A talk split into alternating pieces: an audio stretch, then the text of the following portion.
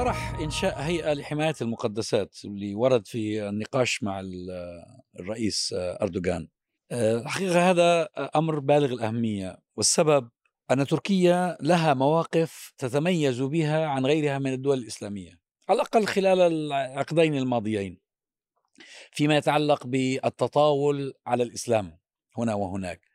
والحقيقة أن المسلمين فقدوا هيبتهم منذ أن سقطت خلافتهم.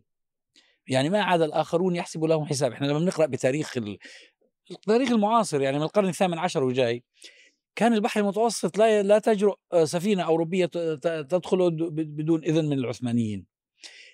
شوف الآن بعدما غزينا وجزئنا وتبهدلنا يعني باللغة بال أصبحوا يتطاولون على كتابنا على مصحفنا وعلى كل مقدس لدينا. وأصبح كل من يريد أن يتقرب أو يحل مشكلة له مع الآخرين يدخل من من هذا الباب.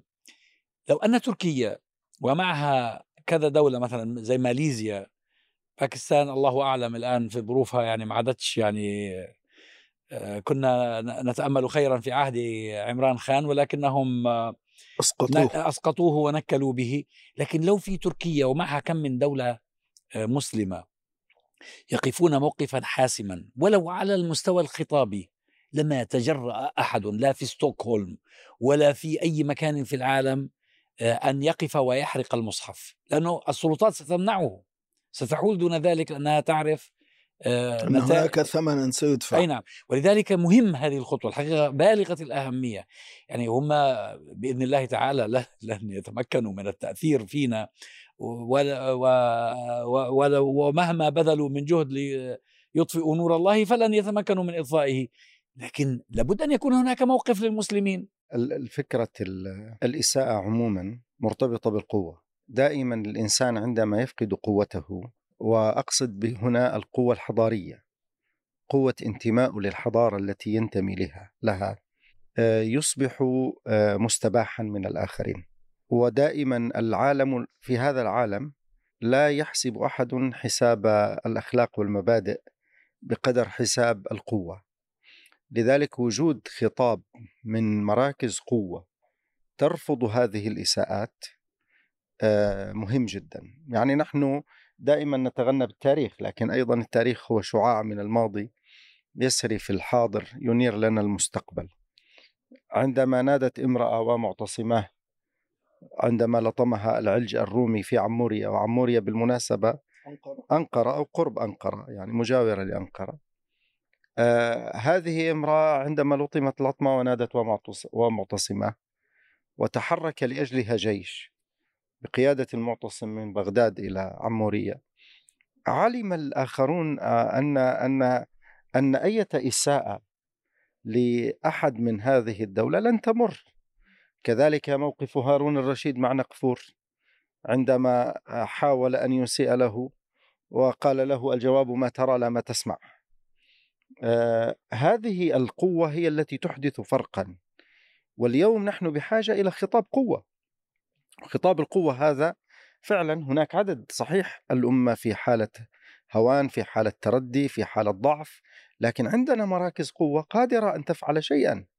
قادرة. اليوم عندما يساء للنبي صلى الله عليه وسلم في الهند وعندنا مصالح اقتصادية مع الهند آه، في عدد من دول البلاد الإسلامية وعندنا آه، مئات آلاف آه، اليد العاملة الهندية في بلاد المسلمين. هذه أوراق يجب أن تستخدمها السلطات إذا كانت حريصة على هذا الدين. لكنني أقول إن مشكلتنا في الإساءة لمقدساتنا جزء منها الأنظمة الاستبدادية التي تحكمنا. الأنظمة الاستبدادية التي تحكمنا هي جزء من المشكلة. اليوم في أوروبا سل المسلمين في أوروبا. من الذي يحرض على مساجد أوروبا؟ من الذي يحرض على المسلمين في أوروبا؟ على الدعاء من الذي يحرض على الدعاء في أوروبا؟ عندما تجد مراكز القوى الغربية أن دولا تنتمي إلى الإسلام هي التي تحرض على وسائل الإعلام ال ال ال من الذي يحرض على قناة الحوار من الذي يحرض على عزام تميم الأسد. من الذي يحرض على على المساجد؟ أن دولا هي التي تحرض على المساجد وتحرض على الدعاء وتحرض على المسلمين. هذه الدول الإسلامية فمعنى ذلك سيتشجعون. فالمشكلة تبدأ من من تعرية هذا الاستبداد ابتداء لدينا نموذجان. النموذج التركي الذي استخدم بكفاءة في مسألة التحاق السويد وفنلندا بحلف الناتو. التشدد التركي إزاء الذين ينتهكون المقدسات الإسلامية سواء الدنماركي الذي حرق القرآن أو العراقي الذي يبحث عن جنسية أو لجوء في السويد. أثمر اليوم توجه في السويد وفي الدنمارك يعني تشريع قانوني لا يسمح بهذه الانتهاكات التي تستفز مشاعر المسلمين. النموذج الثاني هو ليس فقط الديكتاتوريات. يعني هوية هذه الأنظمة الديكتاتورية ليس وحده من يضعف المسلمين بل لأن جزء من العقيدة السياسية لهذه الأنظمة الديكتاتورية هي محاربة الإسلام لأن أحداث الربيع العربي أوهمتهم أو جعلتهم يفكرون بأن استقرار أنظمتهم السلطوية مرهون بالقضاء على كل ما هو إسلامي وكل ما يذكي الهوية, يذكي الهوية الإسلامية ويبقيها حية في المجتمع. لهذا وجهوا سهام سهامهم تجاه المؤسسات الدينية تجاه الشخصيات ثم تجاه الإسلام وبدأوا يتحدثون عن نوعيات جديدة أو نسخ جديدة من الإسلام. المودي رئيس وزراء الهند مع تصاعد الحملة العنصرية الدينية المتطرفة في الهند ضد المسلمين. آه، انفتحت له العواصم. استقبل استقبال الفاتحين كرم آه، قلد بأرفع الأوسمة. لم لم يتلقى أي انتقاد. هناك بعض الدول بطبيعة الحال صعدت في وجه الممارسات الهندية وأثمر ذلك هو أنها على الأقل دفعت بالحكومة الهندية أنها تبرر أو تقول بأن التصرف الذي صدر عن فلان هو تصرف شخصي ومرفوض ومنبوذ وتم يعني إقالة المتحدث باسم الحزب الحاكم المتطرف. إذا مشكلتنا آه، هي تتعلق بأنه محاربة الإسلام بشكل ممنهج أعتقد في بلداننا تتفوق في خطورتها على استهداف الإسلام من خلال العناصر من خارج البيئة الإسلامية. بل بل هناك تداعيات إيجابية في الحقيقة على هذا النوع من الممارسات التي تستهدف الهوية الإسلامية والمقدسات الإسلامية. هي أنها تأتي بنتائج عكسية. أن الناس يبدأوا يتحدثوا عن الإسلام هذا الذي آه، يستهدف بهذه الطريقة. ف آه، كثير من الناس يغيرون مواقفهم بس بتعرف ياسين بشكل إيجابي تجاه الإسلام. العلاقة بين الاستبداد والعداء للإسلام علاقة عضوية ومباشرة. لأن هذا الحاكم لو كان منتخبا ديمقراطيا لو كان ممثلا حقيقة للناس في بلده لما جرؤ على على هذه الأفعال. لو كان منتميا للإسلام لما كان في موقع الحكم أصلا. يعني هو هو مفروض على الناس فرضا بالقوة. آه، تمكينه ليس نابعا من رضا الناس عنه نعم صحيح. اختيارهم له. هم نصبوا من قبل اعداء وليس الإسلام ولهذا ليس مضطرا لأن يتخذ موقف آه يعني مما يحدث للمقدسات الإسلامية. لكن هذا لا يعفي. حسب مسألة السلطة لكن ف... هذا لا يعفي لكن هذا لا يعفي للأمانة. رغم قناعتنا أن الاستبداد السياسي جزء من المشكلة لكن هذا لا يعفي لا الشعوب ولا المؤسسات الإسلامية لا في العالم الإسلامي ولا في غيرها وأيضا لا يعفي عددا من الأنظمة في بلاد العالم الإسلامي التي لها هامش من الحرية والتي آه، على الأقل هي أنظمة منتخبة كالنظام في تركيا كما قال الدكتور أيضا ماليزيا لا يعفيها ابدا من التحرك لأجل مواجهة هذه الإساءات لأن هذه الإساءات في الحقيقة هي لا يراد بها فقط الإساءة إلى دين الإسلام. هي نوع أيضا من ممارسة العنصرية ضد المسلمين. هي إساءة هي إهانة هي إمعان في إهانة هؤلاء المسلمين. لذلك انظر هذا الذي أحرق نسخ من المصحف في آخر مرة في ستوكهولم. أين تقصد أن يفعل ذلك؟ تقصد أن يفعل ذلك أمام المسجد الكبير؟ في يوم عيد. أمام المسجد الكبير. يعني تقصد يوما شعائريا للمسلمين. أيضا غيره أين يذهب؟ يذهب إلى أمام السفارة التركية لأنه يعلم بأنه هذا يؤذي. هو ما ذهب إلى سفارات الدول الأخرى المستبدة؟ لأنه يعلم أن هذه لن تؤثر كثيرا في هذه الدول لكنه هو يريد أن يوجه رسالة لتركيا. فهذه الإساءات يجب أن لا تمر ومرورها هو نوع من أنواع التطبيع مع الإهانة. التي ينبغي أن نرفضها والتي لكن ينبغي أن نرفضها. الكلام اللي ذكره دكتور عزام يعني العلاقه العضوية بين الاستبداد وبين يعني الاساءه للمقدسات يعني من من أوضح الشواهد على هذا المعنى. أن هذه الدول التي آه، تجبن عن اتخاذ موقف أخيرا حتى موقف كلامي صار غير موجود. يعني الشجب والاستنكار غير موجود. بطلوا الشغل. اي بطلوها. من قبل النظام كنظام لكن أيضا لا يسمح بالتعبير الجماهيري. يعني الآن لو أريد في بعض هذه الدول أن أن تخرج مظاهرة من أجل أمام سفارة الدولة التي صدرت الإساءة منها ومنعت تجريم ذلك هذه الأنظمة الاستبدادية ما تسمح بذلك. بل يعني تعاقب من يفكر بذلك بل تعاقب من يدعو إلى إلى ذلك. لماذا؟ لأنها تشعر بأنه ليس لها ليست لها قوة ذاتية ليس لها امتداد أو عمق شعبي مع مع هذه الجماهير التي تحكمها بقوة الحديد والنار وبالمقابل هي تخاطب وجدان يعني تلك الدول التي تسيء إلى الجناب النبوي أو تسيء إلى القرآن الكريم وتطلب رضاها ولذلك نقول بأن الحديث عن دور هذه الدول أيضا ما ما يعفي الحديث عن دور العلماء يعني العلماء عليهم دور كبير في استثارة الوجدان الإسلامي بأن هذه مسائل ما ينبغي التسامح يعني فيها ولا غض الطرف عنها وليست هي من مسائل الخلاف أو المسائل التي يحتمل فيها قول وقول بل هذه من الثوابت التي إن انتهكت فلا عبرة لوجودنا أصلا. طيب في أخشى أخشى, أخشى أن هذه الدول وأن هذه الجهات التي تسيء لمقدساتنا تتعامل معنا بمنطق رج المياه الغازية. فنحن عندما آه، كانت الرسوم المسيئة الدنماركية رأينا غضبة العالم الإسلامي للنبي صلى الله عليه وسلم. وللأمانة تلك الغضبة في بعض الدول لم تكن بريئة أيضا. يعني بعض الأنظمة الاستبدادية استثمرت هذه الغضبة آه، آه، عملية ابتزاز ومفاوضات مع الدول الغربية. لكن في النهاية هناك حالة من التعامل بمنطق الآن آه، زجاجة المياه الغازية. أول مرة تقوم برجها يعني تفور. تنفجر وتفور. إذا رججتها المرة الثانية بتفور بدرجة أقل. المرة الثالثة راح الغاز حتى تصل إلى إلى ذهاب الغاز. صحيح. أنا أخشى أن أننا نسير في منطق رج المياه الغازية. انه كل مرة هذه الإساءات تطبيع تطبيع. ما زلنا إلى اليوم نعيش منطق رد الفعل. أعتقد أننا في التعامل مع مقدساتنا والإساءات لا ينبغي أن ننتظر أن تحدث الإساءة حتى نبادر بالفعل. نحن بحاجة.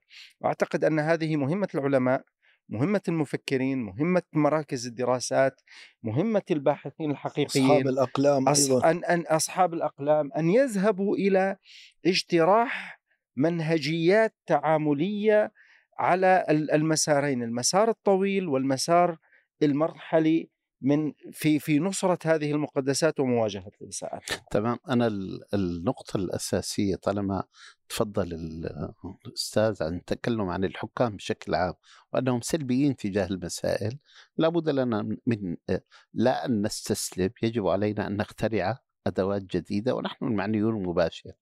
وطرح فكرة الهيئة الدفاع عن المقدسات هذه الخطوة الأولى أو الفكرة الأولى التي يعني بدأت كفكرة. الآن ما هي أدواتها؟ من أهم الأدوات كما ذكرتم فلنتجنب قصة في جهات معينة تستطيع أن تؤثر. ومنهم العلماء والكتبة الأخلاق ومنهم بعض الدول التي ممكن أن تتكلم في هذه المسألة. الجانب الثاني الذي أريد أن أقف عنده وهو خطورة أنا اليوم أو البارحة رأيت فتاة هي يعني غير محجبة بشكل عام تدخل المسجد تدخل إلى غرفة الإمام تأخذ العمامة وتضع الجبة وترقص فيها في المسجد. فين هذا؟ في أي بلد؟